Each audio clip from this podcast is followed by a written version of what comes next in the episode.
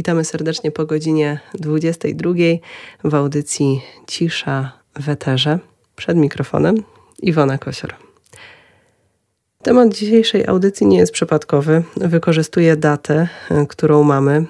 Jesteśmy świeżo po rozpoczęciu roku szkolnego. Jesteśmy, oczywiście mówię tutaj w przenośni, ponieważ mnie ten temat już jeszcze nie dotyczy, ale mój dzisiejszy gość e, jak najbardziej jest zaznajomiony z tematem i także dla niego początek września oznacza początek e, pracy na pełnych obrotach. Moim dzisiejszym gościem jest e, pani Edyta Borowicz-Czuchryta nauczycielka, nauczycielka języka angielskiego w szkole podstawowej w Szczekarkowie, a także nauczycielka w Wyższej Szkole mm, Społeczno-Przyrodniczej w Lublinie. Witam serdecznie. Witam Państwa bardzo mocno serdecznie. W trakcie naszej rozmowy telefonicznej, podczas której ustalałyśmy szczegóły dzisiejszej rozmowy, e, padło e, pytanie ze strony pani Edyty, e, czy przyznam się do tego, dlaczego akurat e, postanowiłam zaprosić e, panią Edytę? E, oczywiście zrobię to z ogromną przyjemnością, ponieważ myśląc o dzisiejszym temacie, który zaraz doprecyzuję i zdradzę, pani Edyta przyszła mi do głowy jako pierwsza e, w kolejności, ponieważ e, wykorzystując to, że rozpoczyna się rok e, szkolny, kolejny rok szkolny, niestety kolejny rok szkolny w widmie pandemii, która wywróciła nasze mm, spojrzenie na system edukacji, ale też uwypukliła jeszcze bardziej niedociągnięcia, nieścisłości i stała się bardzo dużym wyzwaniem, zarówno dla uczniów, jak i dla nauczycieli i dla rodziców, mm, pomyślałam, że to jest bardzo dobry temat, żeby zastanowić się nad tym, czy szkoła, mówiąc trochę złowieszczo i kolokwialnie, niszczy potencjał uczniów.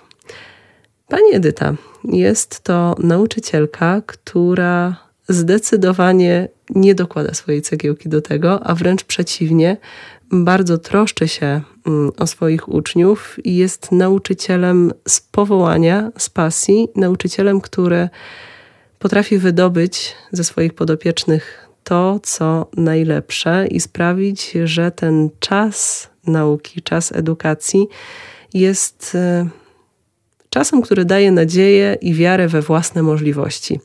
Bardzo dużo słodkich słów, ale mówię to przede wszystkim z autopsji, ponieważ pani Edyta była moją wychowawczynią w czasach młodzieńczych i bardzo dobrze wspominam ten czas. To może ja tutaj zrobiłam taki e, dosyć e, entuzjastyczny wstęp, opis, ale e, przez ten czas minęło bardzo wiele lat, odkąd byłam pani wychowanką. Przez ten czas też dużo się zmieniło. Pani też zdobyła kolejne kompetencje i e, przyznam szczerze, że e, patrząc na to, przeglądając się gdzieś już tak z zewnątrz temu, co pani robi, sama już straciłam trochę e, rachubę, co wydarzyło się przez tych kilkanaście lat. Jak wygląda pani przygoda z nauczaniem? Przygoda trwa. Przygoda trwa cały czas, chociaż muszę przyznać, że nauczycielem zostałam na chwilę. To miał być rok żeby dostać zasiłek dla bezrobotnych. I tak, y, proszę Państwa, to była chwila, y, ale ja w tym momencie powiem chwilotrwaj. Chwilotrwaj okazała się być to najpiękniejsza chwila, kiedy weszłam do szkolnej klasy i później spotkałam, spotkałam każdego roku takich uczniów jak, jak Iwonka i wielu innych uczniów, którzy Y, którzy sprawiali, że y, odkrywałam swoją pasję, rozwijałam się i obecnie to, co najważniejsze, bo Iwonka tu wspomina, że tyle rzeczy, ja też czasami nie do końca chyba nadążam za tym wszystkim, co się dzieje, ale to, co jest dla mnie teraz najważniejsze i wyzwanie dla każdego nauczyciela, żeby być kimś inspirującym dla swoich uczniów. Każdego dnia budzę się i pierwsza moja myśl to jest taka, co zrobić w dniu dzisiejszym przed spotkaniem z uczniami, kolejnym wyzwaniem, żeby być jeszcze bardziej inspirującym dla uczniów. Dlaczego to jest takie ważne? Ponieważ dzięki temu uczniom chce się chcieć. Y, ucznio, od uczniów wtedy można wymagać jeszcze więcej. To ja tutaj jeszcze dodam, że e, pani Edyta może się pochwalić e, tytułami, wyróżnieniami, na przykład w plebiscycie Nauczyciel Roku, e, albo chociaż tym, że gra razem ze swoimi uczniami w Minecrafta. To jest bardzo duża dla mnie zagadka. O co chodzi z tym Minecraftem? Kilka lat temu nawiązałam swoją współpracę również jako nauczyciel, jako edukator z Microsoftem.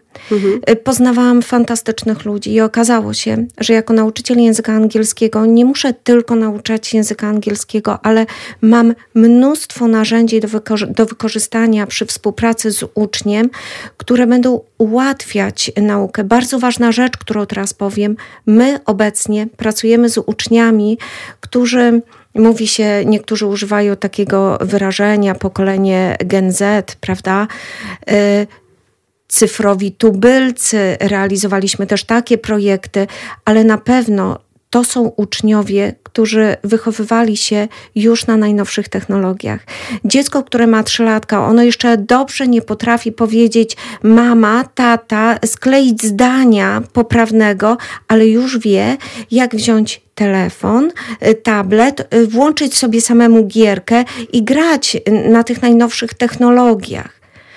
I my musimy wychodzić naprzeciw. My musimy wykorzystywać te najnowsze technologie, żeby ułatwiać uczniom prawda, zdobywanie tej wiedzy. Nie książka już, nie zeszyt. Musi być wsparcie najnowszych technologii. To szkoła ma pokazywać uczniom, w jaki sposób wykorzystywać te najnowsze technologie i że to nie tylko Facebook, Instagram czy TikTok, które też wykorzystujemy oczywiście w edukacji i nie będę e, negowała wykorzystania takich narzędzi, ale y, to jest szereg narzędzi do wykorzystania y, y, i w jaki sposób można je wykorzystywać do rozwoju, do nauki, to jest też jedno z wyzwań i zadań, jakie stoją przed współczesną szkołą. Zapytała się Minecrafta. Jako ekspert Microsoftu z zamiłowania, całkowicie z zamiłowania, od kilku lat jestem ekspertem Microsoftu, yy, nawiązałam współpracę z nauczycielami z całego świata. I oni tak dobrze, przyznaję szczerze, ja o Minecrafcie nie myślałam w pozytywnych kategoriach. Wszystko, co słyszałam od rodziców i z otoczenia, to że Minecraft nie jest niczym dobrym. I takie miałam przekonanie. Nagle okazuje się, że Minecraft jest edukacyjny, że można go wykorzystywać do nauki, do integracji, do budowania relacji. Wiem, dziwnie to brzmi, ale uwierzcie mi Państwo, naprawdę to tak działa. W związku z czym zrobiłam, udało mi się zrobić kilka szkoleń i kursów i zostałam certyfikowanym e, trenerem z Minecrafta, czysto na początku teoretycznym. Ale to tak zainspirowało moich uczniów, że oni zaproponowali w szkole w Szczekarkowie, żebyśmy e, zrobili nocowanie z Minecraftem. Ja byłam przerażona. E, Przyznam im się, że praktycznie to może nie bardzo. Y, my panią nauczymy. I zobaczcie Państwo, jak to fantastycznie działa. Y, odważyłam się. Spotkaliśmy się na całą noc z Minecraftem w szkole. Siedzieliśmy w jednej sali przy komputerach i mieliśmy jedno wspólne wyzwanie. Spotkaliśmy się na polu Minecrafta i naszym zadaniem od godziny 20 do 6 rano było wybudowanie szkoły w Szczekarkowie na polu Minecrafta. Powiem tak, ja do tej pory mam gęsią skórkę, jak o tym y, wspominam, bo to była niesamowita integracja. Spotkać się, od tamtej pory wiele razy spotykam się z kolejnymi klasami na polu Minecrafta. Pandemia w niczym nie przeszkadza, wręcz jak najbardziej wskazane do budowania tych relacji, do spotkania się, bo na polu Minecrafta można spotkać się zawsze i z każdym, i to są niesamowite spotkania. Dlaczego? W momencie, kiedy budujemy, to budujemy. Jest praca, jest cel, jest wyzwanie i my chcemy osiągnąć ten cel. Ale proszę Państwa, w międzyczasie są rozmowy, żartujemy sobie, śmiejemy się, robimy sobie przerwy na przekąskę. Y, mogliśmy podziwiać przez teleskop gwiazdy, bo było piękne niebo. To są takie rzeczy, których ja sobie sama lepiej bym nie zaplanowała. Naprawdę, w takich sytuacjach wierzę, że y, rzućmy, nie możemy narzekać, że ta dzisiejsza młodzież i tak od lat, ta dzisiejsza młodzież. Nie, proszę Państwa. Jeżeli my stawiamy przed młodzieżą wyzwania, to po prostu bądźmy z nimi, spotkajmy się z nimi na tym polu Minecrafta i słuchajmy ich, uczmy się siebie nawzajem. Ja na chwilę obecną potrafię budować, yy, potrafię tworzyć fantastyczne rzeczy na tym polu Minecrafta. Jestem nadwornym fotografem na polu Minecrafta. To są rzeczy niesamowite, a przy okazji naprawdę bardzo budują relacje z dziećmi i z młodzieżą. A przy okazji pomagają być kimś inspirującym dla swoich uczniów. Ktoś by powiedział, że no dobrze, ale w dalszym ciągu jest to jakaś e, gra internetowa na jakiejś platformie online i gdzie tutaj miejsce na przekazywanie e, tej wiedzy, która powinna być jednak sensem E, edukowania i, i, i, pracy w szkole, ale do tej kwestii za chwilę wrócimy. To trochę takie zaczepne pytanie, żeby wywołać e, jeszcze więcej refleksji. Mm, na razie chciałabym się jeszcze skupić na tym, czym się Pani zajmuje. Troszeczkę czuję, że, mm, że przez, przeskoczyłam też e, pewien etap, bo zaczęliśmy od, zaczęłyśmy od rozmowy na temat tego, że, że praca w szkole miała być tylko tymczasowo, a przerodziła się w coś tak prze, przerodziła się w życiową pasję, e, bo chyba tak mogę to nazwać, że rola nauczyciela i praca nauczyciela to jest dla pani pasja. Myślę, że gdyby było inaczej, to nie rozmawiałybyśmy teraz, e, dzisiaj, nie spotykałybyśmy się po latach e, w takiej formie. Jedno pytanie jeszcze, e, jeszcze, czy nie tylko jedno, ale e, teraz szczególnie jedno pytanie nasuwa mi się jeszcze mm, na myśl, takie, które myślę, że też, e, też uzupełni obraz. Jakie były takie najbardziej przełomowe dla Pani wydarzenia na, w tej ścieżce, na tej ścieżce nauczyciela, na tej ścieżce zawodowej?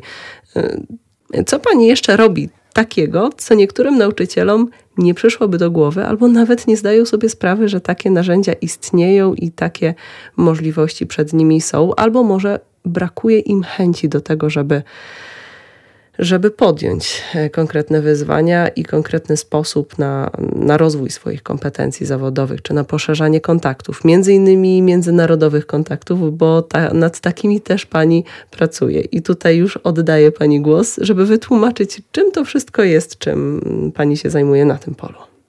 Skomplikowane, bardzo złożone pytanie, przepraszam, ale myślę, że sobie Pani z tym poradzi. Wspomniałaś o chęciach innych nauczycieli. Ja myślę, że y, nie nazywałabym tego w ten sposób.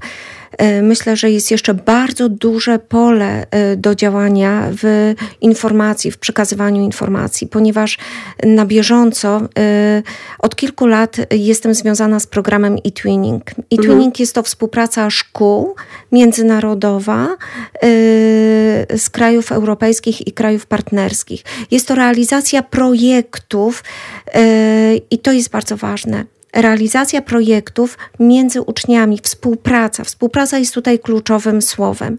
Kilka szkół z różnych krajów nawiązuje współpracę, mamy wspólny pomysł, ideę, zadania, wspólny cel do osiągnięcia i poprzez liczne kontakty, yy, kontakty między nauczycielami, kontakty między uczniami, spotkania yy, online z rówieśnikami, my realizujemy projekt. W ten sposób budzą się yy, nowe przyjaźnie, nowe znajomości, nowe pomysły na kolejne, y, na kolejne projekty, ponieważ mm, każdy kolejny projekt jest jak woda na młyn. Y, I nawet jeżeli się kończy, to już jest chęć rozmowy i co dalej, i jaki będzie kolejny projekt. I ja przy okazji jestem również trenerem warsztatów komputerowych dla nauczycieli y, w województwie lubelskim i prowadzę liczne szkolenia y, z programu e-twinning i z wykorzystania najnowszych technologii. Uwaga, w projekcie, wykorzystanie w projekcie i w edukacji. I to jest bardzo ważne, bo bardzo wielu nauczycieli przed pandemią miało okazję uczestniczyć w takich warsztatach i wtedy zarażali się tą chęcią wykorzystywania tych najnowszych technologii i ci wszyscy nauczycieli, nauczyciele w czasie pandemii mieli o wiele bardziej ułatwione funkcjonowanie w edukacji online, w zamknięciu, niż ci nauczyciele, którzy nie mieli takiej możliwości, którzy byli zdani sami na siebie, którzy nie byli tak zintegrowani z najnowszymi technologiami. Dlatego e, tutaj program e-twinning robi naprawdę super, ekstra fantastyczną. Yy, yy,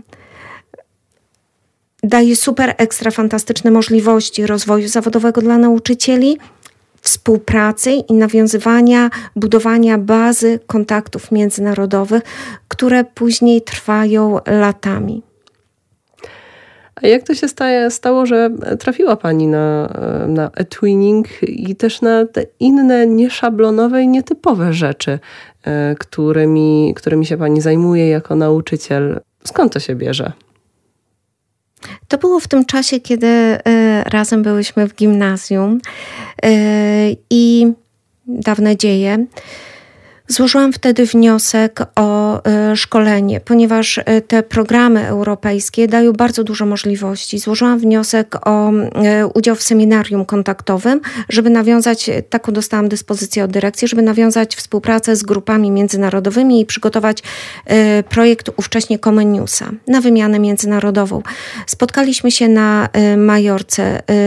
Było ponad 100 nauczycieli z całej Europy. To było tak niesamowite doświadczenie. Wiele lat temu to było coś niesamowitego dla nauczyciela, który, który znalazł się w takim miejscu. I był wtedy e, nauczyciel z Belgii, Aleksander, do tej pory pamiętam. I on mówi do mnie, byliśmy akurat e, w tej samej grupie partnerskiej, którą sobie tam mm, nawiązaliśmy. I on mówi do mnie, Edyta, w oczekiwaniu na wyniki projektu y, zrealizujmy projekt e-twinning. Słuchajcie Państwo, to tak egzotycznie dla mnie zabrzmiało. Projekt Twinning, nie wiedziałam co to jest. Ja od razu byłam na tak i może to dobrze, bo jak się później okazało, to było coś takie skomplikowane. Ale skoro ja już się zadeklarowałam, to ja zaczęłam wchodzić w ten e-twinning. Pomógł mi założyć konto na e-twinningu. Yy, przygotowaliśmy wspólnie projekt i to się tak zaczęło i do tej pory realizuję projekty. Mam kilkadziesiąt projektów zrealizowanych, e, niektóre z nich ocenione e, krajową odznaką jakości, niektóre europejską odznaką jakości, niektóre wyróżnione, e, ale proszę Państwa, nie byłoby tych projektów, gdyby nie młodzież, gdyby nie uczniowie, którzy chcą ze mną współpracować i teraz powiem coś bardzo ważnego po raz pierwszy i coś, co powtarzam bardzo często przy okazji każdego spotkania i pytanie, jakie, jakie pada, nie byłoby nas nauczycieli, gdyby nie uczniowie. To oni zawsze byli, są i będą moją motywacją.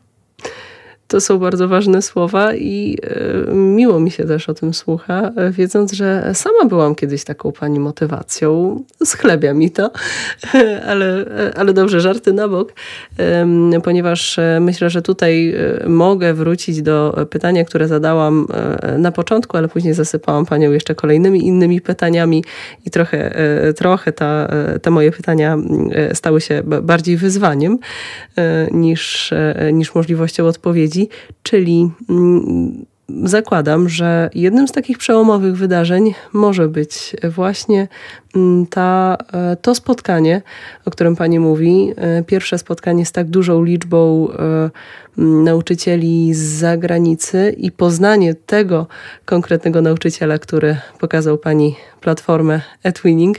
Co jeszcze mogłaby Pani zaliczyć do takich przełomowych Mm, wydarzeń, momentów e, na swojej ścieżce zawodowej? Jednym z takich y, bardzo ważnych dla mnie wydarzeń to był czas znowu naszej współpracy. To były, proszę Państwa, Iwonka jest z klasy super ekstra fantastycznej. To był niesamowity rocznik młodzieży, która dała mi taką siłę napędu, y, że ja do dziś y, edukacyjnie jestem nad ziemią i niech to tak trwa. Y, natomiast ważnym wydarzeniem było to, co zrobiliście na zakończenie trzeciej klasy. To był wasz pomysł. To wy zgłosiliście mnie do y, konkursu mhm. Nauczyciel Roku. Y, I to nie chodzi, proszę Państwa, o to, co później się dzieje. Dzięki Wam zostałam finalistką tego konkursu.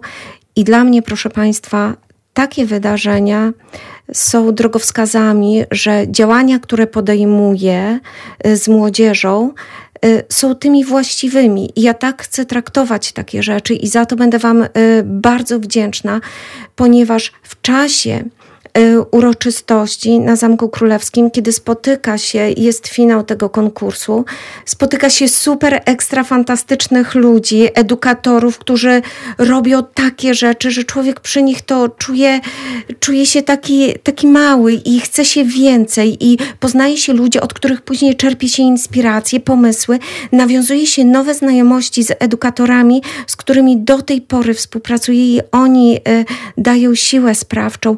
I powiem powiem więcej, dzięki takim wydarzeniom, dzięki Wam y, lata minęły i zostałam zaproszona do grupy Superbelfrów. Y, należę teraz do tej grupy i jest to grupa nauczycieli w, w Polsce bardzo pozytywnych entuzjastów edukacji, dzięki którym y, jest szansa, że edukacja będzie rozwijała się dalej w tym jak najbardziej pozytywnym kierunku i nic tego nie zatrzyma. I, yy, i za to jestem wdzięczna Tobie i, i Wam wszystkim i wszystkim uczniom, którzy y, dają nam taką informację zwrotną. Bo tak wcześniej pytałaś o tego nauczyciela mhm. roku, o te y, konkursy. Każdy taki moment, kiedy tak samo jak ostatnio byłam zgłoszona do plebiscytu lubelskiego Osobowość Roku w kategorii nauka, takie rzeczy zawsze dla mnie będą tymi drogowskazami, że działania, które podejmuję, y, są tymi pozytywnymi i y, warto dalej to kontynuować. Powiedziała Pani o tym, y, że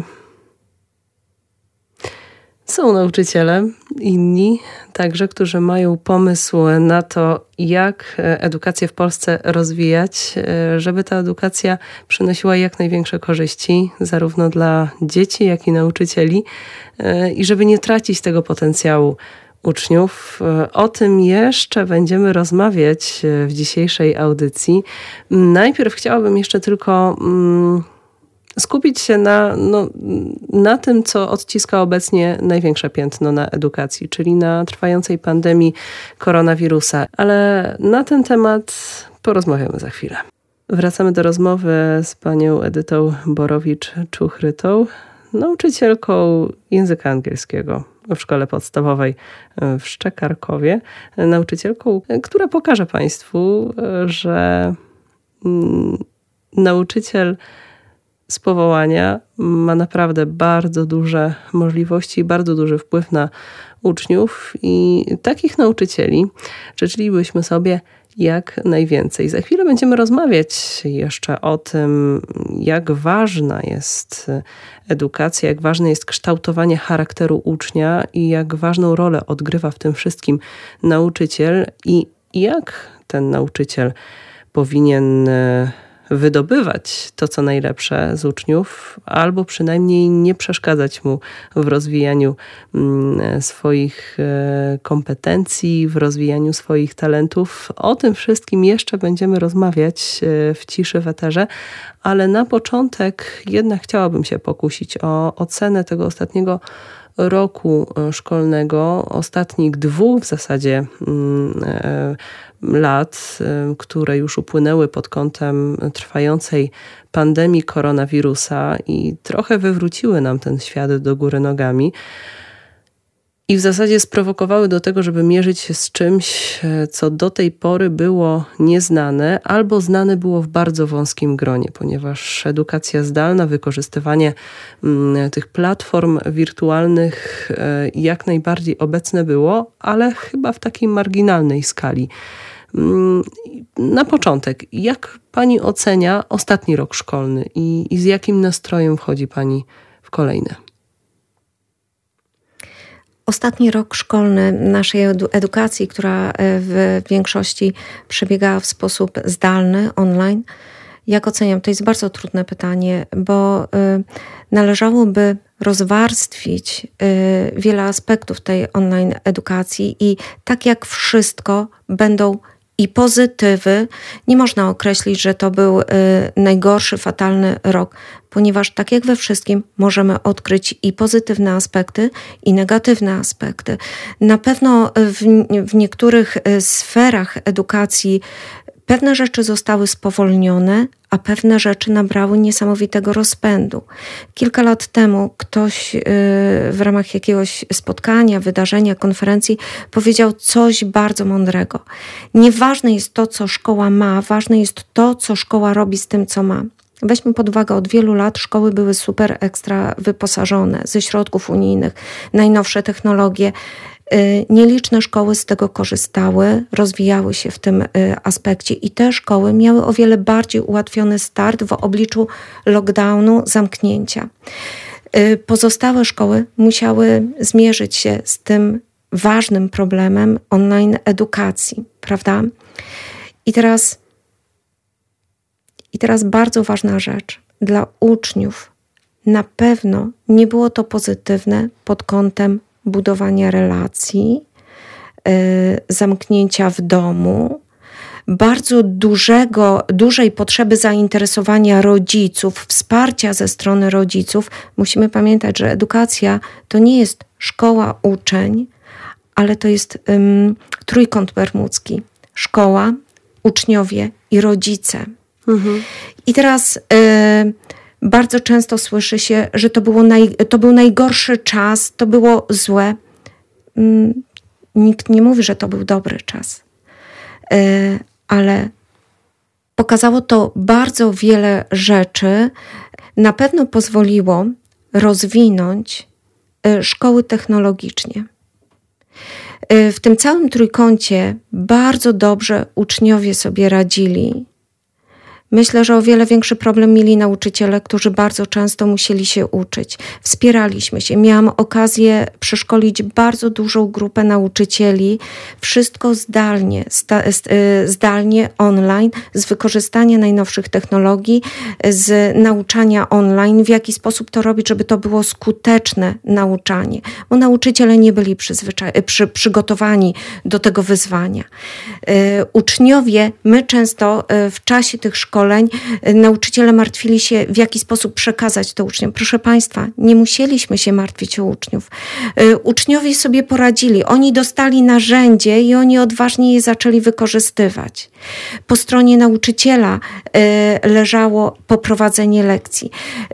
Czyli po pierwsze, bardzo pozytywny aspekt to jest rozwój umiejętności technologicznych i ja powiem tutaj tak, mam nadzieję, że wróci stacjonarne nauczanie i będziemy mogli spotykać się z uczniami w szkole. E, ale mam nadzieję, że te umiejętności, które wszyscy nauczyciele musieli zdobyć, będą wykorzystywane. Narzędzia, które poznaliśmy do wykorzystania w online edukacji, proszę mi uwierzyć, będą się świetnie sprawdzały. Wiem, wszyscy mamy je, ich dosyć, e, ale mam nadzieję, że one będą się świetnie sprawdzały w nauczaniu stacjonarnym. Przypominam, że pracujemy z uczniami, którzy nie potrafią się uczyć z podręcznika, z zeszytu, z ćwiczeń. I taka bardzo ważna rzecz, y, nauczyciel nie musi realizować podręcznika, materiału całego z podręcznika.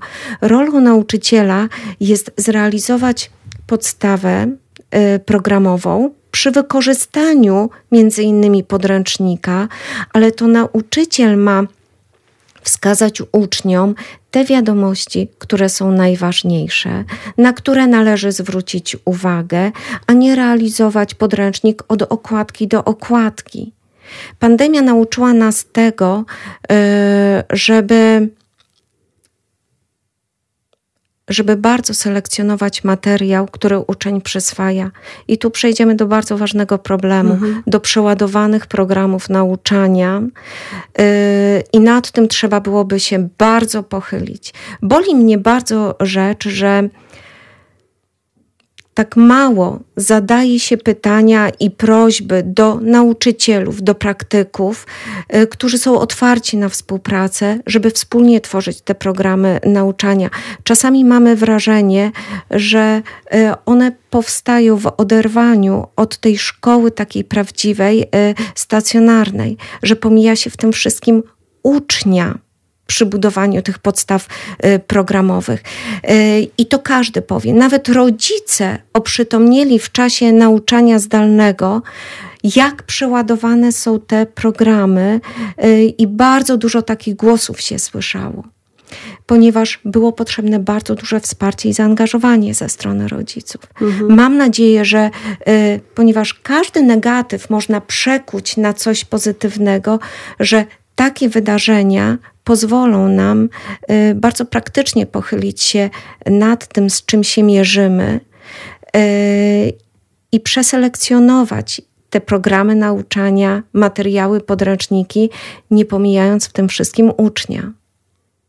Tak, żeby dać uczniowi szansę na, y, na rozwój swoich pasji, na rozwój swoich talentów na co jest naprawdę bardzo mało w szkole czasu.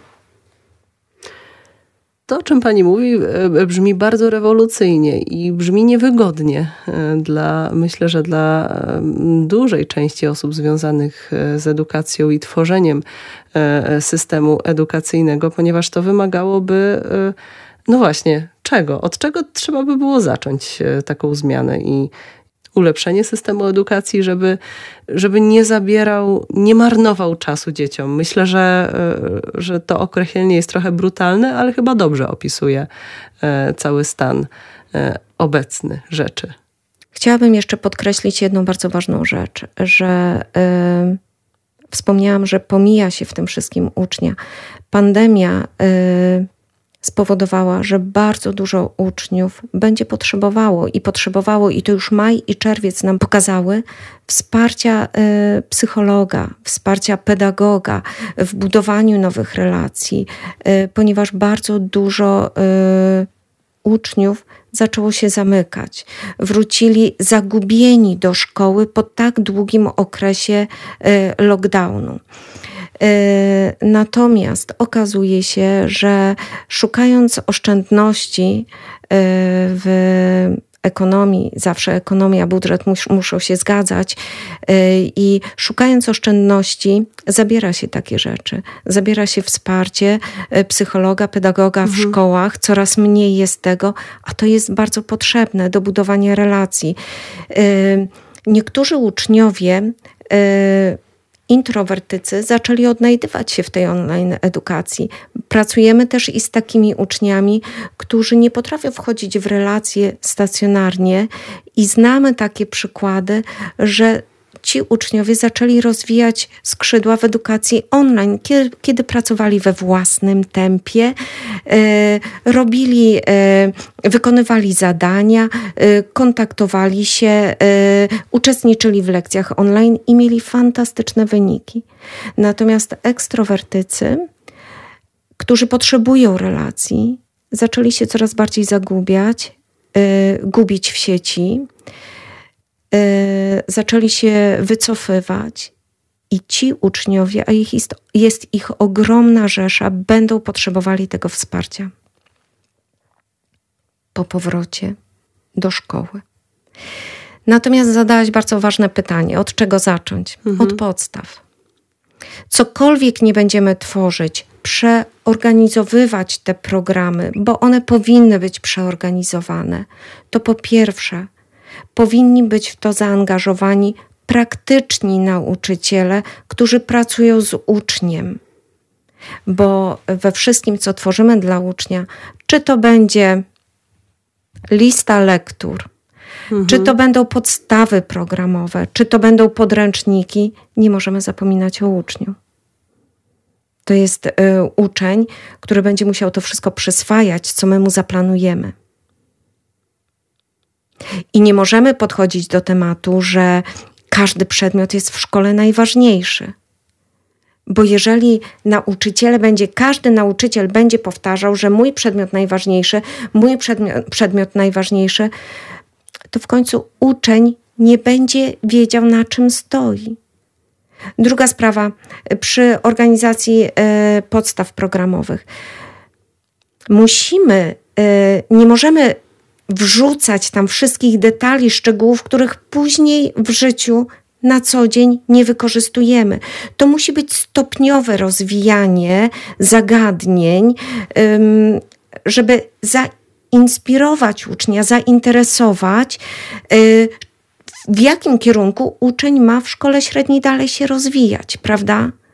Dla mnie, przepraszam, wielkim błędem było z języka angielskiego. Skoro jestem nauczycielem języka mhm. angielskiego, mam prawo to powiedzieć. Przez szereg lat, kilkanaście lat pracowałam w gimnazjum. Likwidujemy gimnazja trzyletnie i co się okazuje? Mm, podręcznik z klasy pierwszej w gimnazjum jest wycofany, a materiał z trzyletniego gimnazjum jest y, umieszczony w siódmej i w ósmej klasie. A gdzie w tym wszystkim uczeń? Ja wiem, papier wszystko przyjmie. Mhm. Ale przepraszam, y, uczeń jest tą materią żywą, która będzie musiała się z tym y, pogodzić, zmierzyć, poradzić sobie z tym. No i część sobie radzi, ale część sobie nie radzi. I proszę Państwa, to nie pandemia. Pandemia tylko uwypukliła pewne rzeczy, nad którymi mamy okazję się pochylić. Ale tak naprawdę mm, to nie pandemia, tylko nasz system, który potrzebuje wielkich zmian w pozytywnym kierunku i sfokusowania się na uczniu, przede wszystkim na uczniu, a nie w oderwaniu od ucznia. Yy, potrzebuje tych zmian pozytywnych. Wydaje mi się, że też e, to, co kuleje w systemie edukacji obecnym, naszym, e, polskim, to też to, że mm, jeszcze próbując sobie przypomnieć, jak to jest e, być uczniem i z czym ja się mierzyłam i z jakimi frustracjami przyszło mi też się rozprawiać jako młoda osoba, nastolatka, która czuła się przeładowana tym wszystkim i sfrustrowana tym, że e, e, chciałam e, tę całą wiedzę posiąść i, i, i, wszystko skrupulatnie wypełnić, ale fizycznie brakowało mi na to czasu i też motywacji i chęci, bo ja osobiście byłam też taką nastolatką, którą interesowały bardzo różne rzeczy, nie zawsze nauka, więc bardzo często trudno było mi to pogodzić, ale chodzi mi o to, że Wydaje mi się, że ten system wygląda tak, że jest ogrom tego materiału, wiedzy z różnych dziedzin, e, zarówno istotnych, jak i ciekawostek, mm, które są uczniom e, serwowane jako e, materiał podstawowy, jako materiał rozszerzony też do mm, takiego indywidualnego zgłębiania, ale nie uczy się młodych ludzi, nie uczy się dzieci, nie uczy się młodzieży takiego chyba krytycznego podejścia do tego, e, co jest im przedstawiane i nie uczy się tej umiejętności wybierania dla siebie tego, co jest najważniejsze. Dziecko po prostu ma komunikat, że musi. To wszystko, co, co przedstawia nauczyciel, wszystko, co jest w podręcznikach, musi zapamiętać i musi wiedzieć jako dorośli zdajemy sobie sprawę z tego, że nie musi, ale jak wyegzekwować to od dziecka, żeby mm, z jednej strony oczywiście nie rozleniwiło się i miało pasję do nauki chciało e, zgłębiać wiedzę, ale z drugiej strony nie zrobić mu krzywdy tym, że doprowadzimy je tylko do frustracji, bo nie jest w stanie wszystkiego zapamiętać. Ja to mam wrażenie, że dzisiejsza szkoła jest przygotowana e, tylko i wyłącznie pod tą grupę uczniów zdolnych, e, e, zmotywowanych, z niesamowitym wsparciem, zapleczem z domu, bo ci uczniowie sobie poradzą. Ci uczniowie sobie poradzą i znajdą jeszcze czas na swoje, na rozwijanie swoich pasji i talentów. Tak, dzisiejsza szkoła jest bardzo pamięciowa i bardzo przeładowana. Zmęczenie, jakie widać u uczniów, po uczniach powoduje, że stajemy się bezradni. Y, uczeń ma problem y, na wszelkich egzaminach, testach, sprawdzianach, bo uczy się pamięciowo, nie uczy się myślenia krytycznego. Nie uczy się samodzielności, wyszukiwania swojego punktu widzenia. Nie uczy się tego ma do wyuczenia materiał. Y, w jaki sposób można to zmienić? Bardzo dużo nauczycieli y, już y, wykorzystuje wszelkie możliwości, naprawdę nie trzeba wiele. Ja uważam, że wszelkiego rodzaju projekty, jakie są realizowane. Metoda projektu y, jest tym, czego nasz uczeń w dzisiejszym świecie potrzebuje.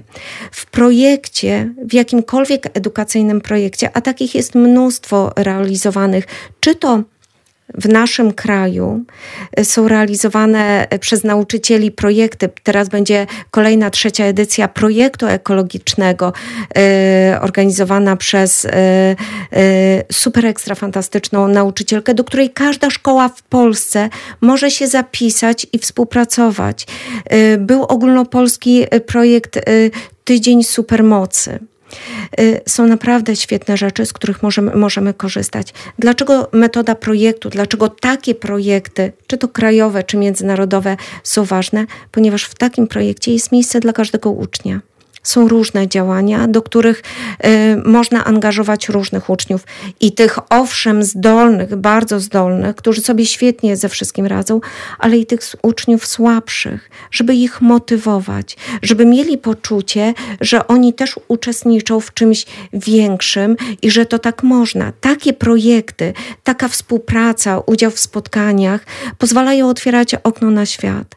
I teraz bardzo ważna rzecz, zwłaszcza w tych takich małych szkołach, wiejskich szkołach, w której mam mhm. wielką przyjemność pracować, y, ponieważ uczniowie z miast mają o wiele więcej możliwości. W miastach więcej się dzieje. Y, funkcjonują domy kultury, y, funkcjonują różne ośrodki rozwoju zainteresowań. Natomiast na wsiach bardzo często jest to szkoła i jakiś sklepik. I to, co dzieje się w tej szkole, tak naprawdę y, jest y, tym, co może inspirować, co powinno y, rozwijać ucznia. Dlatego bardzo ważne jest wszystko to, co się dzieje oprócz lekcji i sposób, w jaki współpracujemy z uczniem. Ale czy jest na to czas poza tymi wszystkimi zajęciami, które, mm, które muszą być wypełnione, poza tym całym materiałem, który w dalszym ciągu uczeń musi przyswoić, a nauczyciel musi przekazać. Zastanawia mnie to, gdzie jest miejsce na te projekty poza. Ale na to pytanie odpowiemy sobie dopiero w drugiej godzinie audycji, ponieważ e, już zbliża się powoli godzina 23. Czas zrobić miejsce na serwis informacyjny do rozmowy z panią Edytą Borowicz-Czuchrytą. Powrócimy po godzinie 23. Zostańcie z nami. Witamy serdecznie po godzinie 23 e, w audycji Cisza w Eterze. Przed mikrofonem Iwona Kosior, a moim dzisiejszym gościem jest pani Edyta Borowicz-Czuchryta, nauczycielka, nauczycielka e, z pasją, nauczycielka, e, która nie boi się wyzwań, nie boi się nowych technologii i przede wszystkim pracuje z powołaniem nauczanie to, to jest jej pasja. Mam nadzieję, że nikt nie ma wątpliwości po pierwszej godzinie naszej rozmowy. A jeżeli ktoś dopiero teraz dołączył, e, to, e, to myślę, że nabierze te, tego przekonania e, po tym, co jeszcze przed nami, po tych tematach. A dzisiaj rozmawiamy na temat tego, hmm, zadajemy sobie ważne pytanie. Czy obecny system edukacji w Polsce e, sprzyja uczniom, czy jednak e, zagraża e, rozwojowi, zagraża potencjalowi ucznia? Zanim Odpowiemy sobie na to pytanie, bo jeszcze jasna odpowiedź nie padła na ten temat. To jeszcze jedna kwestia.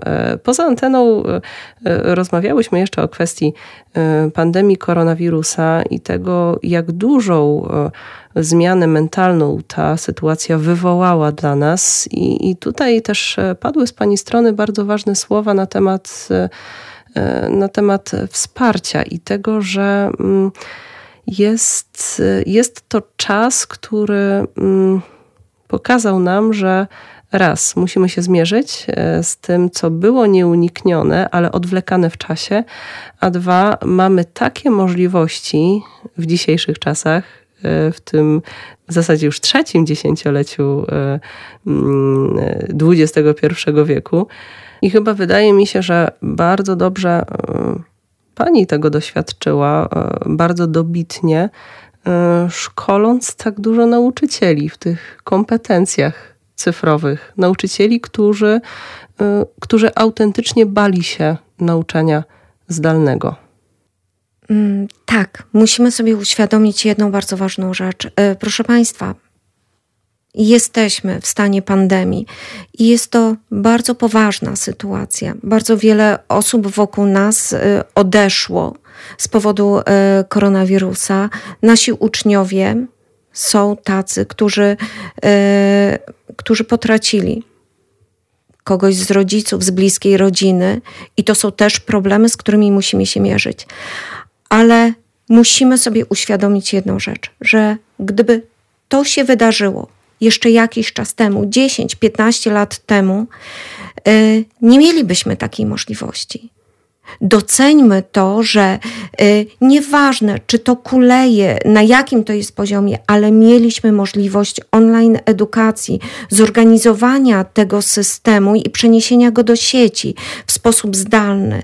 Nawet jeżeli w trakcie musieliśmy się uczyć wielu rzeczy, tak, jak tu Iwonka wspomniała, yy, współpracowałam z bardzo wieloma szkołami, prowadząc szkolenia yy, z różnymi nauczycielami, yy, ale to uświadamiam, że coś takiego, jak nie to, to coś innego by się wydarzyło, co musiało nas sprowokować, żebyśmy się rozwinęli technologicznie, nadążając za naszymi uczniami. To jest dla mnie to jest coś, e, coś niesamowitego, ponieważ, proszę Państwa, ta sytuacja wymusiła na nas to, co było odwlekane w czasoprzestrzeni. Wszyscy wiemy rozwój kompetencji, kompetencje kluczowe, o których się tyle mówi, e, ale nigdy nie ma na to czasu. Zawsze odwlekamy to w czasoprzestrzeni. O, ja też tak się nauczę, ja też będę z tego korzystał, korzystała, i nagle przychodzi czas, kiedy jesteśmy postawieni w sytuacji, że musimy rozwinąć te nasze kompetencje kluczowe, cyfrowe kompetencje, żeby ta online edukacja była podtrzymana. Ale doceńmy to, że mamy taką możliwość. Y, I w tej rozmowie naszej doszły, doszłyśmy też do takiej konkluzji, że y, mamy bardzo duże wsparcie, tylko trzeba chcieć korzystać z tego wsparcia. Powstają świetne materiały, y, zarówno dla nauczycieli, jak i dla rodziców. Y, I teraz tylko kwestia, na ile my chcemy z tego korzystać. Nauczycielka roku, y, jedna z nauczycielek roku napisała świetną książkę, dedykując ją zarówno nauczycielom, jak i y, rodzicom, jak nie zgubić dziecka w sieci. Ja uważam, że takie rzeczy są dla nas tworzone, są dla nas wsparciem i powinniśmy y, korzystać z takich rzeczy. One są ogólnodostępne, tak jak projekty, o których wspominałam, w które możemy się angażować. To są rzeczy tworzone przez nas, dla nas. I korzystajmy z tego i miejmy świadomość tego wsparcia, jakie jest dookoła nas, bo my, nauczyciele, też musimy się wspierać i może zacząć w końcu współpracować, żeby z tego wszystkiego wyszło coś dobrego. Trochę przyznam szczerze, że mm, smuci mnie fakt e, na myśl o tym, że nie każdy nauczyciel ma takie podejście. I niestety, ja tak jak spotykamy się, każdy uczeń, każdy, kto kiedyś był uczniem, każdy, kto teraz jest uczniem, spotyka z jednej strony nauczycieli, których zapamiętuje się na całe życie, którzy inspirują, których wspomina się po latach, którzy na przykład e, prowokują do tego, e, żeby szukać w sobie pasji i na przykład dzięki którym możemy zawdzięczać to, kim teraz jesteśmy. To są bardzo e, może na wyrost słowa, ale niekoniecznie. Myślę, że, że wiele osób ma takie doświadczenie. E, nauczyciela, który był jednocześnie autorytetem i inspiracją, ale po drugiej stronie no, mamy też e, całą rzeszę nauczycieli, e, którzy mm, gorzej radzą sobie w całym systemie edukacji, którzy z wielu powodów nie potrafią tą pasją zarazić uczniów, nie potrafią wiedzy przekazać tak, żeby, żeby uczeń jak najlepiej z tego e, skorzystał. Oczywiście zostawiam tutaj kwestię tego, że jakby do tanga trzeba dwojga, więc y, trzeba zarówno zaangażowania nauczyciela, jak i ucznia, ale jednak nie oszukujmy się, są nauczyciele, którzy no, po prostu. Mm, to jest ich sposób na to, żeby jakoś przetrzymać ten czas. Już nie wchodząc tutaj w, w jakieś e, przykłady, to, tutaj jest wiele czynników, które ma na to wpływ. No ale mówiąc krótko, są także nauczyciele, którzy nie mają tej pasji, nie mają tego powołania. I nawet zaryzykowałabym e, określenie, że mogą zaszkodzić młodym ludziom. I tutaj dotykamy już właśnie tej kwestii, która e, wydaje mi się, że jest sednem naszej rozmowy, albo przynajmniej założyłam sobie, że będzie sednem nas, naszej rozmowy. Mm, szkoła mm, to jest bardzo delikatna struktura. E, opierająca się o bardzo delikatnych ludzi, czyli dzieci i młodzież, którzy są na progu odkrywania siebie, decydowania tego, jacy będą w przyszłości y, i decydowania tego, czy będą miały odwagę przejąć kontrolę nad własnym życiem i czy ktoś im pokaże, jaki, w jaki sposób to zrobić, jak wydobyć z siebie to, co najlepsze, mm, jak najlepiej się kształtować. Mm, co robić, żeby system edukacji mm, chociaż może nie system edukacji, ale no dobrze, to użyjmy tego sformułowania. Co robić, żeby system edukacji y, nie zabijał potencjału uczniów? Jeżeli ja ograniczę się do pracy z podręcznikiem, z zeszytem i z tablicą i będę przychodziła od do na 45 minut do y, sali lekcyjnej, żeby przetrwać, uczniowie będą to czuli, że ja mam potrzebę przetrwania, prawda? I oni też będą próbowali przetrwać. I nie zaiskrzy nic, to to będzie najbardziej przykre doświadczenie zarówno dla nauczyciela, jak i dla ucznia bo uczniowie są materią żywą, która obserwuje, widzi, patrzy, czuje i wchodzi w interakcję. Jeżeli my dajemy im negatywne yy, bodźce, oni będą negatywnie reagowali na to. Natomiast jeżeli ja Powtórzę to jeszcze raz w dniu dzisiejszym.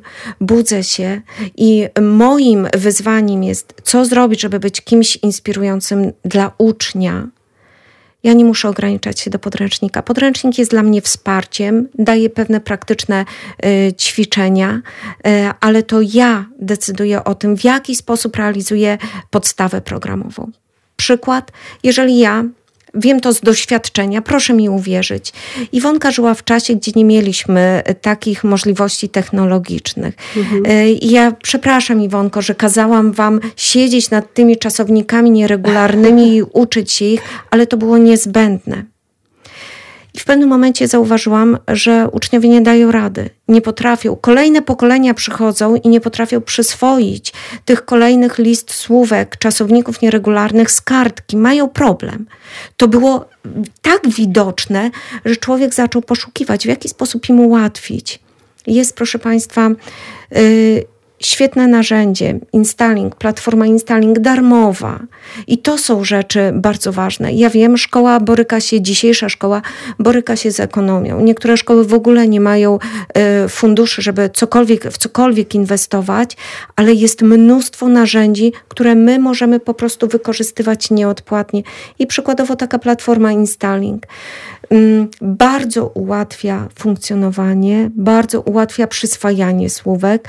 Są to najnowsze technologie i powiem szczerze, tak, ja widzę y, różnicę. Uczniowie o wiele szybciej, jeżeli to jest jeszcze sposób systematyczny, o wiele szybciej przyswajają słówka i w ogóle je przyswajają.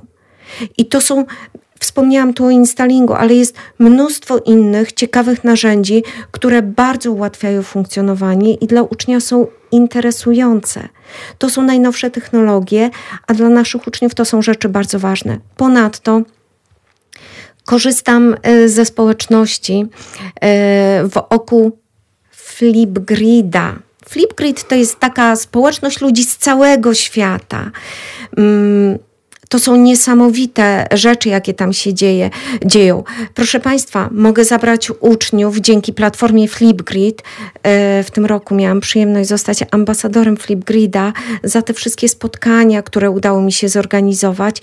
E, I na przykład zabieram uczniów, żeby, żeby wspólnie z nimi zwiedzić park dinozaurów w Indiach. Super fantastyczna przygoda, wszystko w języku angielskim, żywy kontakt z językiem angielskim. A zacznijmy od tego, że język języka angielskiego musimy uczyć tego żywego do komunikacji, mhm. a nie y, tego z podręcznika, bo później uczeń realizuje podręcznik i nie potrafi się skontaktować, nie rozumie, co się do niego mówi po angielsku. Dlatego ja wykorzystuję takie okazje. Realizowaliśmy projekt e-twinning, proszę Państwa. Pytałaś Iwonko, kiedy to realizować.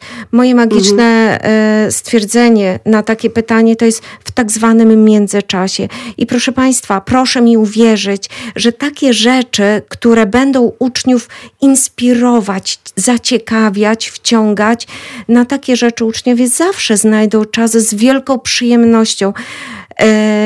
I jeżeli realizujemy projekt e-twinning współpracy międzynarodowej, spotykamy się z uczniami, czy to jest online, czy to jest godzina 17 czy 18, uczniowie znajdują czas. Wspólnie z uczniami mieliśmy możliwość w ramach jednego z takich projektów zwiedzenia Międzynarodowej Stacji Kosmicznej e, NASA w Huntsville w Stanach Zjednoczonych.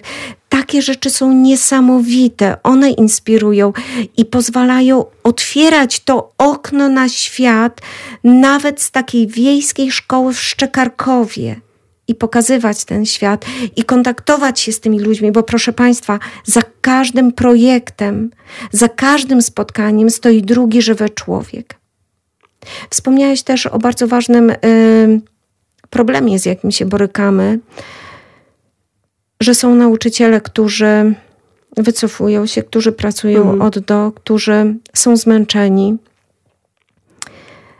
Borykamy się z bardzo dużym e, problemem wypalenia zawodowego, mhm. bo ciągle się wymaga czegoś więcej. Nauczyciel ciągle musi się doszkalać, e, zdobywać kolejne e, stopnie awansu, wykazywać się, i dopada nas taki moment, że po prostu tak jak uczniowie wycofujemy się i pracujemy od do, bo musimy pracować, prawda?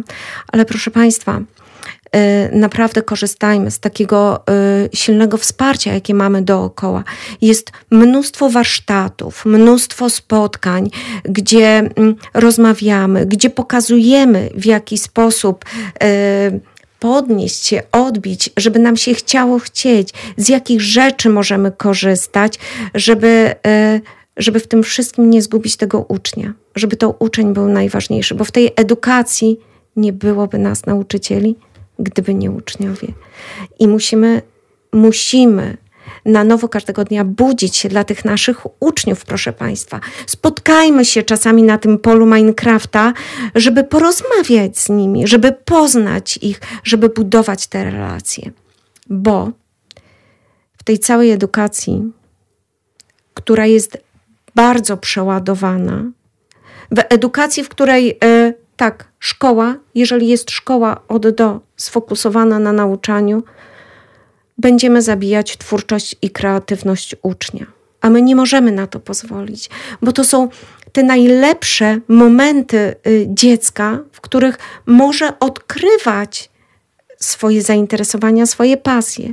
Najbardziej przykry jest widok, kiedy uczeń, uczennica ósmej klasy wychodzi ze szkoły i nie potrafi powiedzieć, bo są takie sytuacje i bardzo przykro mi, że do takich sytuacji dochodzi w rozmowach, uczeń ósmej klasy opuszcza szkołę i nie potrafi odpowiedzieć na proste pytanie: jakie, jakie masz zainteresowania?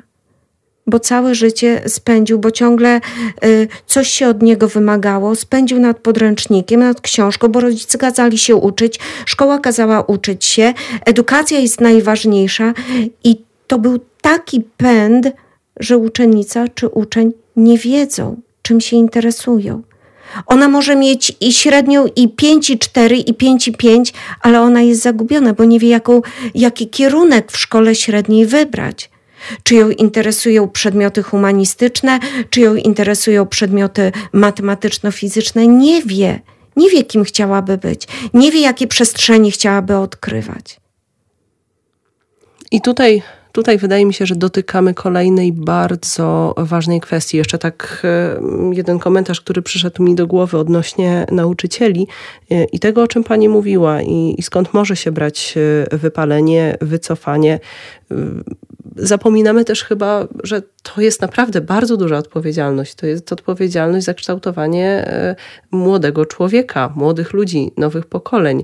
I myślę, że może też się pojawiać e, ten lęk, przed tym, żeby tego czasu nie zmarnować, bo z jednej strony e, tak, mamy odpowiedzialność za, za uczniów, za to, kim oni będą, a z drugiej strony jest ta podstawa programowa, muszę to zrealizować, a co jeśli będzie to na egzaminie ósmoklasisty, a ja to za mało omówiłam, omówiłem ze swoimi uczniami, a co jeśli na maturze na przykład będzie coś, na co nie poświęciłam, nie poświęciłem czasu w trakcie, e, w trakcie lekcji. Myślę, że to też też jest stres wpisany bardzo mocno mm, w ten zawód.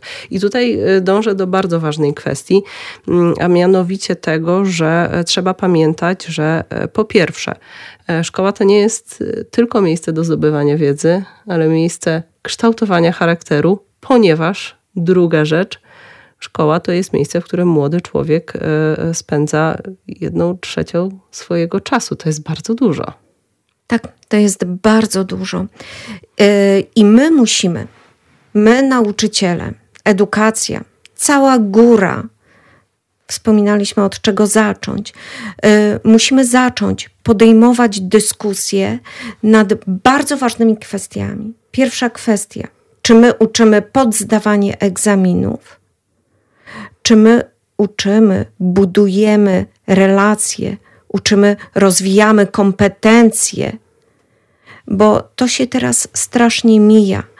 E, nauczanie treści, wszystkich dat, szczegółów, e, rzeczy e, z biologii, z chemii, szczegółów, których bardzo często e, w późniejszym życiu nawet nie pamiętamy, a musimy wyuczyć się, żeby zaliczyć sprawdzian, kartkówkę, y, zdać egzamin ósmoklasisty, przygotować się do matury, w międzyczasie jeszcze mnóstwo testów i kartkówek.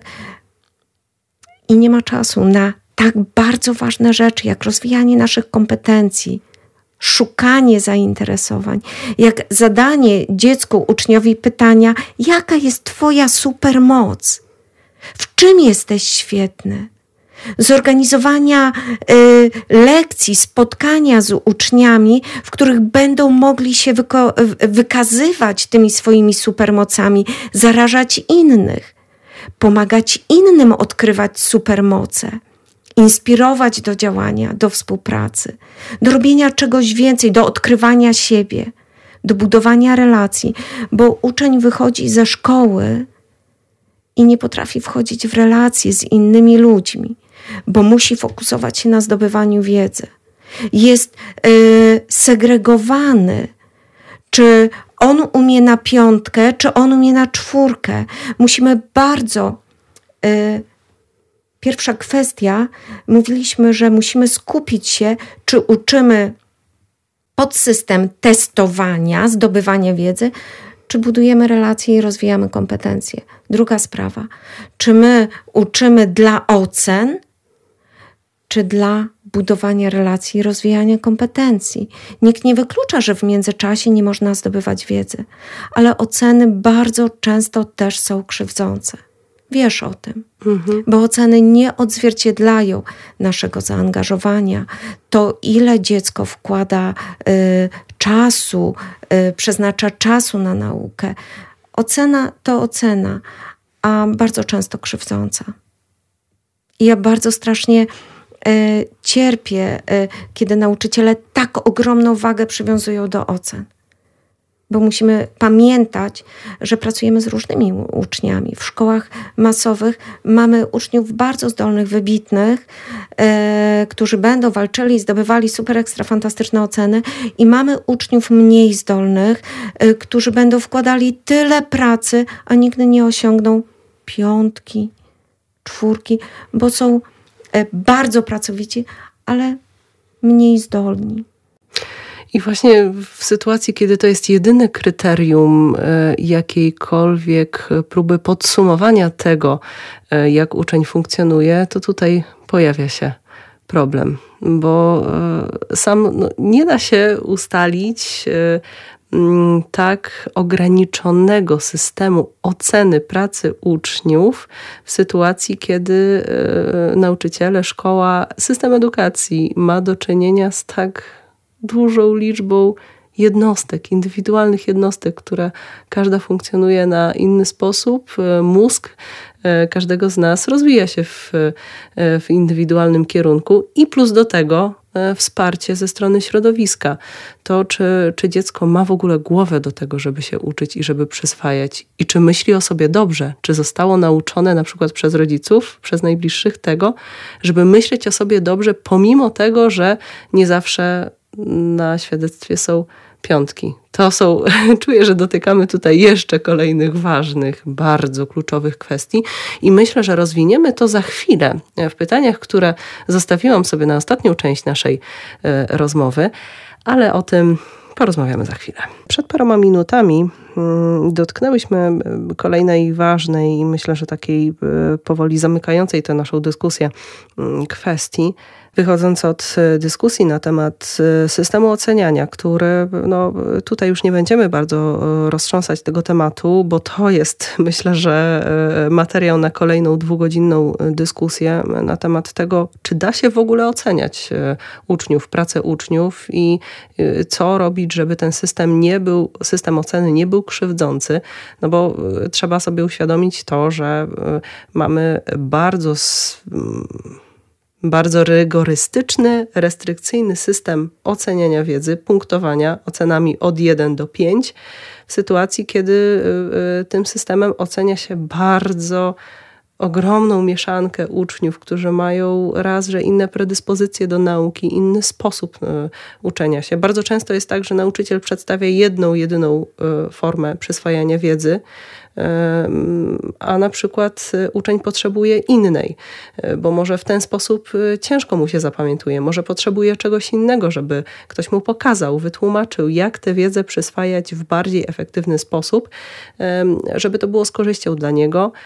Przede wszystkim dla ucznia. Czy to jest jedna kwestia? Druga kwestia, no właśnie, wsparcie rodziców, o którym pani cały czas powtarza, że dziecko, które nie będzie miało wsparcia ze strony rodziców, które nie będzie miało zapewnionego bezpieczeństwa i nie będzie miało poczucia tego, że pomimo tego, jakie ma oceny, ono dalej jest wartościowe i dalej jest kochane, to też bardzo dużo wpływa na, na, psychikę młodego człowieka, która w tym momencie się kształtuje i jest bardzo krucha, bardzo delikatna i bardzo podatna na skrzywdzenia ze strony nas dorosłych. To jest myślę, że też ważna kwestia, którą trzeba e, poruszyć. A kolejna, bardzo istotna, na której chciałabym się teraz skupić, to to, że jednak nie każdy uczeń, mm, wydaje mi się, że ma jednakowy e, start i mm, chciałabym, żeby podzieliła się Pani teraz swoim doświadczeniem pracy mm, jako nauczyciel w szkole podstawowej w Szczekarkowie, czyli bardzo małej miejscowości, e, w której e, możliwości nie są tak duże, tak jak pani mówiła. To nie jest duże miasto, nie jest duży ośrodek, gdzie dzieci poza szkołą mają możliwość rozwijać swoje talenty w przeróżnych ośrodkach kulturalnych, w innych ośrodkach edukacyjnych, placówkach, które nie są e, instytucjonalne.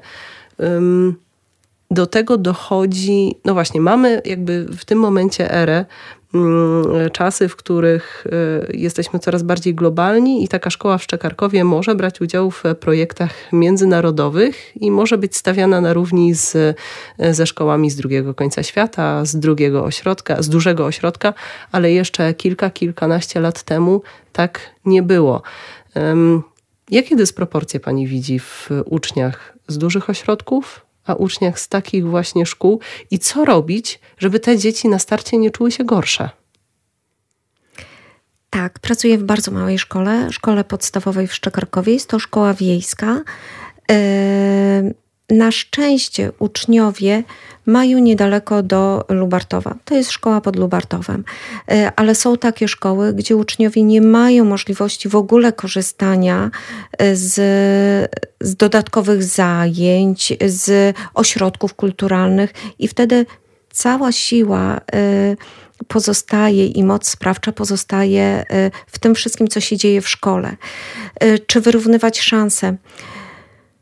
Myślę, że to jest odwieczny problem, nad którym się, z którym się borykamy. Borykają się małe wiejskie szkoły i niektórzy powiedzą, że albo w małej wiejskiej szkole to jest świetna atmosfera, są małe klasy. Proszę Państwa, tak, ale to tak jak ze wszystkim, zawsze są plusy i minusy. Y, Szkoła podstawowa w Szczekarkowie ma łączone nauczanie. E, są lekcje, gdzie w czasie matematyki, polskiego, angielskiego mówimy o przedmiotach na przykład egzaminacyjnych, wszystkie pozostałe tak samo. E, jest e, połowa lekcji prowadzonych w systemie łączonym. Jak my tu możemy mówić o wyrównywaniu szans? Ja mam lekcję języka angielskiego, gdzie mam klasę szóstą i klasę siódmą. W jednej sali lekcyjnej mam 45 minut. Ja muszę zrealizować materiał z klasą szóstą, materiał z klasą siódmą. Yy, i jeszcze, żeby to wszystko przynosiło efekty, bo ci uczniowie przystępują do normalnego egzaminu. Oczywiście atmosfera jest świetna, uczniów nie ma dużo, ale to są problemy, z, którym ci ucznio, z którymi ci uczniowie się też borykają na co dzień. I uczniowie, i rodzice, i nauczyciele. Jak zwykle ekonomia bierze górę ale przynajmniej trwamy. W jaki sposób y, mimo wszystko starać się wyrównywać te szanse. Proszę Państwa, tutaj naprawdę bardzo duże pole do popisu dają e, projekty, o których już e, wspominałam e, i które mają bardzo wiele zalet. Dzięki tym projektom uczniowie mogą uczestniczyć w super ekstra fantastycznych spotkaniach, odkrywać świat, poszukiwać motywacji. Jeżeli rówieśnik z innego kraju, czy to będzie e, e, Turcja, czy to będą Włosi, e, jeżeli młody człowiek wysłucha rówieśników, spotka się z nimi, odkryje ich pasję, będzie, będzie też chciał im czymś zainspirować. Będzie chciał też czymś się wykazać. I to już są takie bardzo ważne momenty. Była taka sytuacja mm, w kwietniu, napisała do mnie nauczycielka z Wietnamu. Powiem o tym, bo to jest bardzo, bardzo, ważne, e, bardzo ważny przykład dla mnie. Nauczy napisała do mnie nauczycielka pani Ksuksu z Wietnamu, że bardzo chciałaby, żeby moi uczniowie ze Szczykarkowa spotkali się z nią e, na lekcji o zmianach klimatycznych, e, a później na drugiej lekcji na temat jedzenia. Od razu byłam na tak, bo wiem, ile dobrego e, takie spotkania wnoszą. Wszystko było przygotowane. Uczniowie zmiany klimatyczne. Mieliśmy przygotować prezentację, e, powiedzieć o naszej Polsce, o zmianach, jakie obserwujemy. I nagłe takie zderzenie e, z realiami moich uczniów, którzy, którzy przygotowywali tę lekcję, ale proszę Panią, jakie my mamy zmiany klimatyczne. No przecież uczyliście się lekcja geografii. No tak, ale to wie pani, to takie, no właśnie, uczyliśmy się takich teorii, rzeczy, co to są zmiany klimatyczne, a nawet na lekcjach nie ma często czasu zastanowić się i rozejrzeć dookoła, żeby zrozumieć te zjawiska, które nas otaczają. I my wtedy zaczęliśmy poszukiwać. Y, uczniowie zaczęli praktycznie odkrywać y, to, co gdzieś tam się przewijało teoretycznie, nagle okazało się, że oni zobaczyli, że mamy do czynienia z dużym problemem, że, że zmiany klimatyczne to nie jest tylko dział w podręczniku, ale że to jest problem, który nas otacza, który nas dotyczy, że to jest problem naszej planety. Yy, przygotowaliśmy prezentację i nagle spotkanie z uczniami z Wietnamu, yy, którzy zaczęli przedstawiać, prezentować filmik, informacje o zmianach klimatycznych, z jakimi oni się borykają, powodzie, pokazali to, co ich dotknęło. I powiem, proszę Państwa, to są bardzo ważne rzeczy, z których możemy korzystać. To nie są żadne nakłady finansowe, ale młodym ludziom ze szkoły podstawowej ze Szczekarkowa dało to bardzo wiele do myślenia. Yy, bardzo to przeżywaliśmy, jak ci ludzie mówią o tych problemach, które ich dotykają, jak się chcą dzielić. I nagle yy, takie spotkania, takie lekcje, to są takie prawdziwe lekcje, pozwalają nam rozejrzeć się dookoła i zmierzyć z tym problemem, z którym borykamy się na co dzień. A jeżeli my nie zaczniemy uświadamiać i mówić o tak ważnych rzeczy, yy, rzeczach z naszymi uczniami, to później będzie już za późno, bo te ważne umiejętności, postawy, relacje, powtarzam się, ale to są bardzo ważne dla mnie rzeczy, buduje się, proszę Państwa, od najmłodszych lat. Jeżeli ktoś nie nauczy się mówić dzień dobry od samego początku, to później y, dla niego będzie trudno, on nie będzie rozumiał, co ten nauczyciel, dlaczego ten nauczyciel krzyczy, że on nie mówi dzień dobry ale takie rzeczy mogą się zadziać i zadzieją się. Ja może jestem niepoprawną optymistką, ale ja bardzo mocno chcę w to wierzyć, proszę Państwa, że jest tak dużo super ekstra fantastycznych edukatorów, y, którzy mają siłę, żeby nadać naszej edukacji tą pozytywną moc sprawczą, y, żebyśmy zaczęli dostrzegać tych superbohaterów w tych naszych uczniach żeby w naszych szkołach to uczeń był przede wszystkim, żebyśmy organizowali im te przestrzenie do rozwoju, do budowania relacji, rozwoju kompetencji, odszukiwania ich supermocy, bo każdy uczeń, nawet y, ten, na którego ciągle krzyczymy, który nie chce się uczyć, który ciągle nam zgłasza nieprzygotowanie, on też, proszę Państwa, będzie miał swoją supermoc ale jeżeli my nie pomożemy mu jej odkryć, on nie będzie tego świadom. I on będzie opuszczał szkołę, yy, szkołę podstawową, jako ten, który, który nigdy nie odrabiał pracy domowej, który yy, zawsze był nieprzygotowany, jako ten, który nie, nie ma nic pozytywnego. A nie ma takich uczniów. Każdy uczeń ma w sobie supermoc. I to szkoła y, powinna na celu mieć wsparcie w odkrywaniu przede wszystkim tych supermocy. Jeżeli my będziemy dostrzegać w uczniach y, te supermoce, to będzie ich motywowało y, do tego, żeby być jeszcze większym superbohaterem y, i o wiele łatwiej będzie im angażowało się w ten bardzo trudny, bardzo trudny proces nauczania, uczenia się. Może tak być, że w tym momencie naszej rozmowy y, słucha y, jakiś nauczyciel, y, który czuje przynaglenie do tego, żeby spróbować, y, ale nie wie jak. Jak y, zacząć korzystać z tych narzędzi, o których Pani dzisiaj wspominała? Od czego zacząć y, właśnie taką zmianę w stronę, w stronę takich niekonwencjonalnych w dalszym ciągu platform nauczania, jak nawiązywać kontakty z innymi nauczycielami, z innymi szkołami z drugiego końca świata? Jakieś może taki, takie szybkie kompendium wiedzy dla nauczycieli? E, bardzo mocno serdecznie polecam stronę Fundacji Rozwoju Systemu Edukacji, program e-twinning. Wystarczy wpisać e, w wyszukiwarkę e-twinning i pojawi się strona. Strona jest prowadzona przez Warszawę w języku polskim.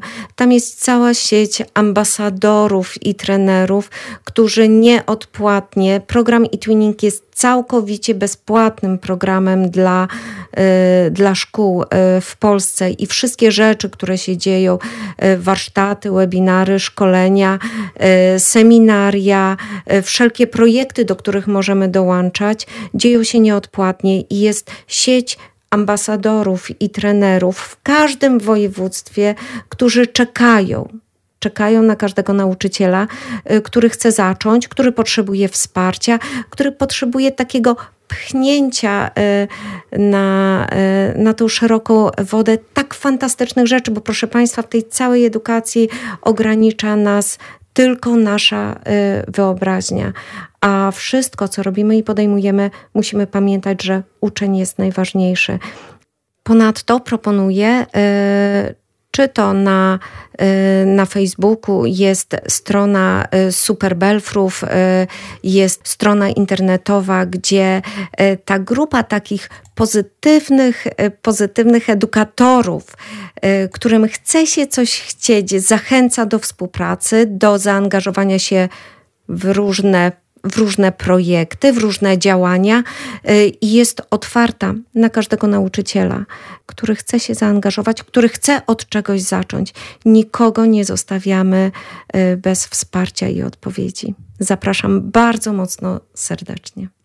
Ja też dołączam się do tego e, zaproszenia. Mam nadzieję, że ta nasza dzisiejsza rozmowa była inspirująca zarówno dla nauczycieli, jak i dla każdego słuchacza, kto z młodym człowiekiem u progu dojrzałości miał bądź ma e, styczność. I, i mam nadzieję, że ta dzisiejsza rozmowa pozwoli z większym optymizmem wejść w ten nowy rok szkolny, który dla wielu jednak w dalszym ciągu zaczyna się pod znakiem obaw o to, jak on będzie wyglądał, bo w dalszym ciągu mierzymy się z bardzo trudną i wymagającą materią, jaką jest e, pandemia koronawirusa, niepewne czasy i, i odnajdywanie się w tej wirtualnej rzeczywistości.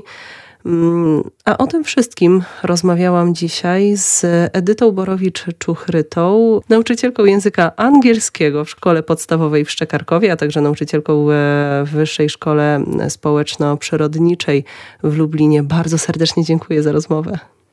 Ja też bardzo Państwu dziękuję za rozmowę, za dzisiejsze spotkanie i jeszcze korzystając z okazji, e, na koniec tego naszego spotkania chciałabym sobie, wszystkim nauczycielom, rodzicom uczniów a przede wszystkim samym uczniom y, życzyć super ekstra fantastycznego roku szkolnego, u progu którego stoimy y, i pamiętajmy, że nieważne jaki on będzie, czy on będzie stacjonarny, czy będzie kolejnym naszym wyzwaniem zdalnym, pamiętajmy o jednej rzeczy. Y, w edukacji najważniejszy jest uczeń i musimy zawsze znaleźć balans. Balans niech będzie tym magicznym słowem i wyzwaniem dla nas między budowaniem budowaniem relacji, między rozwijaniem kompetencji, poszukiwaniem naszych supermocy, a przyswajaniem wiedzy i wiadomości. Pamiętajmy, balans. W tym wszystkim musi być balans. Wszystkiego dobrego. I z tym słowem zostawiamy Państwa i życzymy dobrej nocy. Iwona Kosior, bardzo serdecznie dziękuję za uwagę. Do usłyszenia za tydzień o tej samej porze.